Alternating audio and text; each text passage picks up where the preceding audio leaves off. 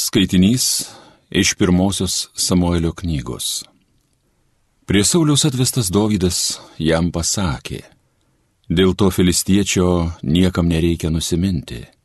Išeis tavo tarnas ir kausis su juo.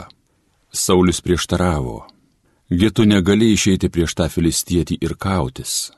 Esi dar jaunuolis, o jis nuo jaunystės kariūnas. Dovydas Sauliui kalbėjo, Ištraukęs mane iš lokio ir liūto letenų, viešpats išplėš ir iš to filistiečio rankų. Ir Saulis Dovydui tarė, eik, viešpats tęsie su tavimi. Dovydas pasėmė lasdą į ranką, išsitraukė iš upelio penketą apvalių akmenų ir įsidėjo į savo piemenautinį krepšį. Paskui paėmęs į ranką laidyklę, išėjo prieš filistietį. O tas vis artėjo prie Dovydo. Jo ginklanešys žygiavo jam priešais. Filistietis žvelgia į Dovydą kupinas paniekos. Mat Dovydas buvo labai dar jaunas. Jis buvo šviesiaplaukis, stotingas. Filistietis jam tarė, argi aš šuo, kad tu prieš mane ateini su lasda. Jis keikė Dovydą savo dievaičiais ir šaukė, na eikš, numesiu tavo kūną padangių paukščiams ir laukų žvėrims sudraskyti. Dovydas jam atšovė, tu prieš mane išeini su kalaviju, durklu ir jėtimi, o aš prieš tave išeinu vardan galybių viešpaties, Dievo Izraelio kariuomenės, iš kurios pasityčiojai. Šiandieną viešpats tave atiduos į mano rankas, užmušiu tave ir nukirsiu tau galvą. Dar šiandien filistiečių kareivių lavonus aš atiduosiu padangių paukščiams ir laukų žvėrims sudraskyti, kad visas pasaulis suprastų, jog Izraelyje esama Dievo. Visi, kurie čia susirinkę, turės suprasti, kad pergalę viešpat suteikia ne kalaviju ir jėtimi, tai viešpaties karas ir jis atiduos jūs į mūsų rankas. Kada filistietis žygiavo pirmin ir artėjo prie Dovydo, šis greitai išbėgo prieš jį iš Izraelitų reikiuotis, įkišo ranką į savo piemenautinį krepšį, išsėmė akmenį, paleido jį iš laidyklės ir pataikė filistiečiui į kaktą. Akmo praskėlė jam kaktą ir filistietis kniūpšė susmuko ant žemės. Šitaip tad Dovydas nugalėjo filistietį laidyklę ir akmeniu, pataikė į jį ir užmušė, neturėdamas rankoje kalavijo. Paskui, pribėgęs prie filistiečio, Dovydas griebė už jo kalavijo, ištraukė jį iš makšties, nukirto jam galvą ir šitaip jį pribaigė. O filistiečiai pamatė, kad jų stipruolis negyvas. Metėsi bėgti. Tai Dievo žodis.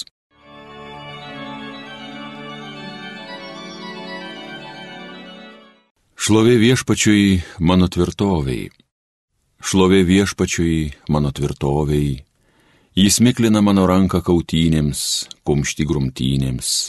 Šlovė viešpačiui mano tvirtoviai, jis man pilis mano meilė, priedanga ir vaduotojas mano. Man jisai prieglaudas skydas, davė tautas man valdyti. Šlovė viešpačiui mano tvirtoviai. Tau Dieve naują giesmę sukursiu, skambinsiu tau dešimtstygę arfą mūsų valdovams pergalės duodi, gelbėjai Dovydą savo į tarną, šlovė viešpačiui mano tvirtoviai. Alleluja, alleluja, alleluja. Jėzus skelbė karalystės evangeliją ir gydė žmonėse visokias ligas.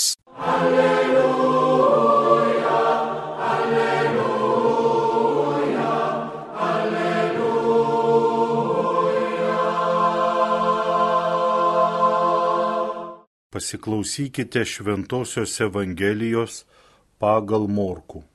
Jėzus vėl atėjo į sinagogą, o ten buvo žmogus su padžiūvusia ranka. Fariziejai stebėjo, ar jis gydys jį šabo dieną, kad galėtų apkaltinti. Tuomet Jėzus tarė žmogui su padžiūvusia ranka, stok į vidurį, o juos paklausė, ar šabo dieną leistina daryti gerą ar blogą, gelbėti gyvybę ar žudyti. Bet anie tylėjo. Tada rūščiai juos apžvelgęs ir nuliūdęs dėl jų širdies kietumo, tarė tam žmogui. Išties ranką. Šis ištiesė ir ranka atgyjo. Išėję fariziejai to jau ėmė tartis su erodininkais, kaip Jėzų pražudyti. Girdėjote viešpatie žodį.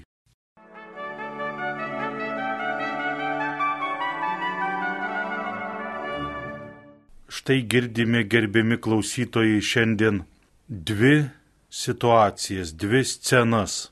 Prieš galijotą Dovydas, prieš stipruolį prieš karį, prieš tvirtą galiūną, stovi saulėje įdegęs gražuolis, kaip sako skaitinys, ir štai girdime kitą sceną. Jėzus ir padžiūvusią ranką lygotas žmogus ir prieš tylinčius, bet papriekaištavusius prieš tai žmonės fariziejus. Ilgai netempiant gumos, aiški situacija ta, kad čia pagrindinė priežastis sukelianti konfliktą yra senoviškai tariant puikybė, dabartinien kalbonį išvertus tai yra susireikšminimas. Pralošia ir žalos padaro tie, kas yra susireikšminę. Susireikšminės yra tas, kuris nepaiso Dievo ir kuris nepaiso aplinkinių, kuris yra įsitikinęs, kad jis žino geriausiai, kad jis žino viską ir kad jis gali ir kad jis dabar padarys čia tvarką. Toksai buvo galijotas, tokie buvo fariziejai ir visada mes taip pat pralošėme, visada mes nieko gero nepadarome kai esame susireikšminę. Bažnyčia nurodo, kad puikybė yra visų bėdų šaknis. Bažnyčia, kuri per daug amžių išmastė ir net savo patirtimi viską patikrino, mums kiekvieną dieną patvirtina, jeigu tu būsi susireikšminės, reikalai geriausiu atveju neduos naudos o kitais atvejais duos žalos arba vis didesnė ir didesnė žala tau ir aplinkui tave gyvenantiems. Mes galime pamastyti, apmastyti situacijas, kuriuose aš esu susireikšminės, kuriuose aš kitą žmogų kaip tas galijotas niekinu vadindamas, keikdamas, arba kaip tie fariziejai, kad ir tylėdamas, bet parodydamas, kad tu esi niekas, mes galime apmastyti, kiek aš padarau žalos, kai aš taip stačia galva neriu ir neapmastau, o ką Dievas šitų dalykų nori man pasakyti. Tiesa, yra ir gražioji situacija trumpam atsikvėpti, kad labai dažnai, jeigu mes esame pastumti į šoną, kaip Dauvydas buvo kaip piemenaitis pastumtas, buvo net nesitikima iš jo didelių žygdarbių, galime suprasti, kad Dievas mus pasirenka. Per visą šventą raštą Dievas nuolat kalba, kad Dievas pasirinko tai, kas pasauliu atrodo kvaila.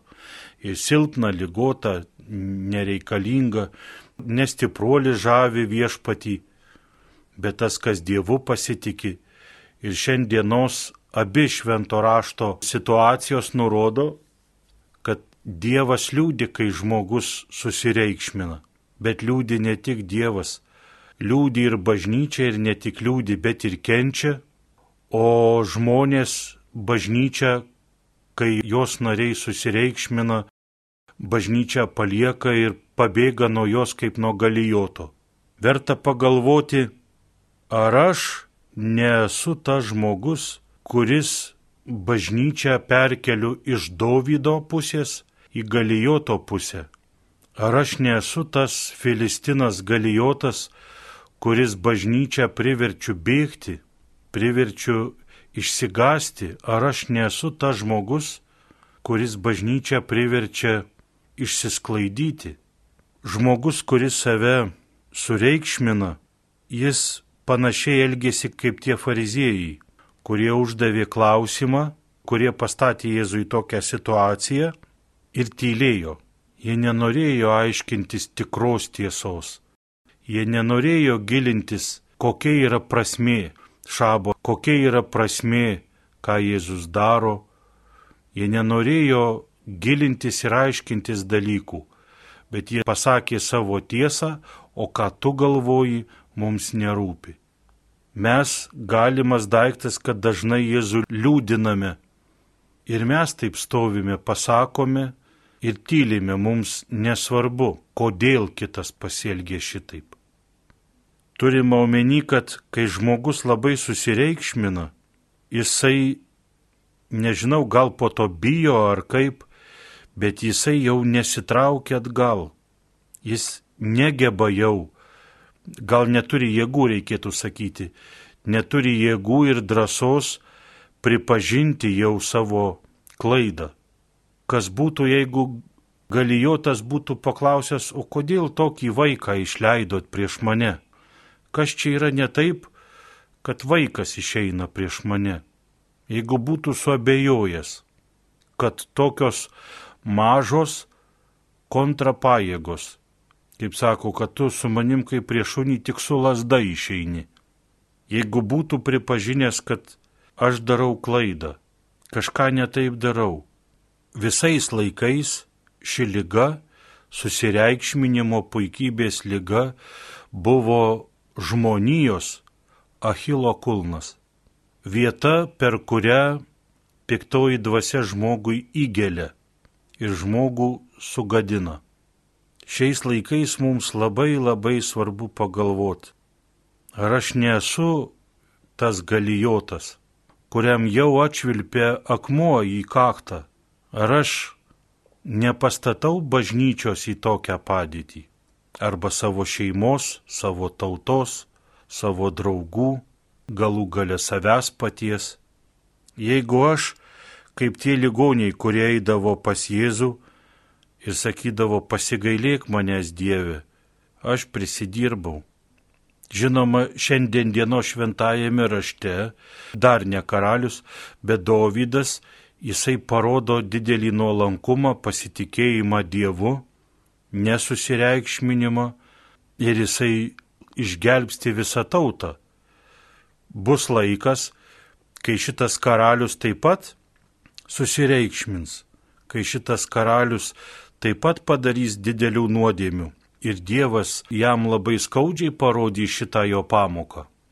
Bet prisimenu Švento Ambrozėjaus gyvenimo aprašyme, kai jisai karaliaus broliui nedavė šventos komunijos dėl jo viešų ir sunkių nuodėmių, kad jisai žudė visą kaimą nekaltų žmonių, jisai pasakė šventajam Ambroziejui, duok komuniją man, sako, tu nusidėjėlis, sako, aš negaliu tau duoti komunijos. Tada Ambroziejui atkirto tas giminaitis karaliaus sako, karalius Dovydas ir buvo nusidėjėlis. Tada šventasis Ambroziejus atsakė, padaryk tokią atgailą, kaip padarė Dovydas ir duosiu tau šventą komuniją. Taigi karalius Dovydas irgi neišimtis, jis gavo savo pamokas. Prašykime Dievą malonės, kad mokytumėms iš savų nuodėmių, ne iš svetimų, kad savo nuodėmės priimtumėm kaip pamoką, kad mokytumėms jau iš svetimų nuodėmių, kurios jau yra padarytos ir mums duotos kaip pamoka. Štai šitaip, kad nereikėtų mums išgyventi panašių dalykų, kaip išgyveno kadaise Galijotas, kaip išgyveno vėliau karalius Dovydas, kad nereikėtų mums būti gėdoje, bet kad galėtumėm džiaugtis iš savo padarytos atgailos ir išmoktų Dievo duotų pamokų.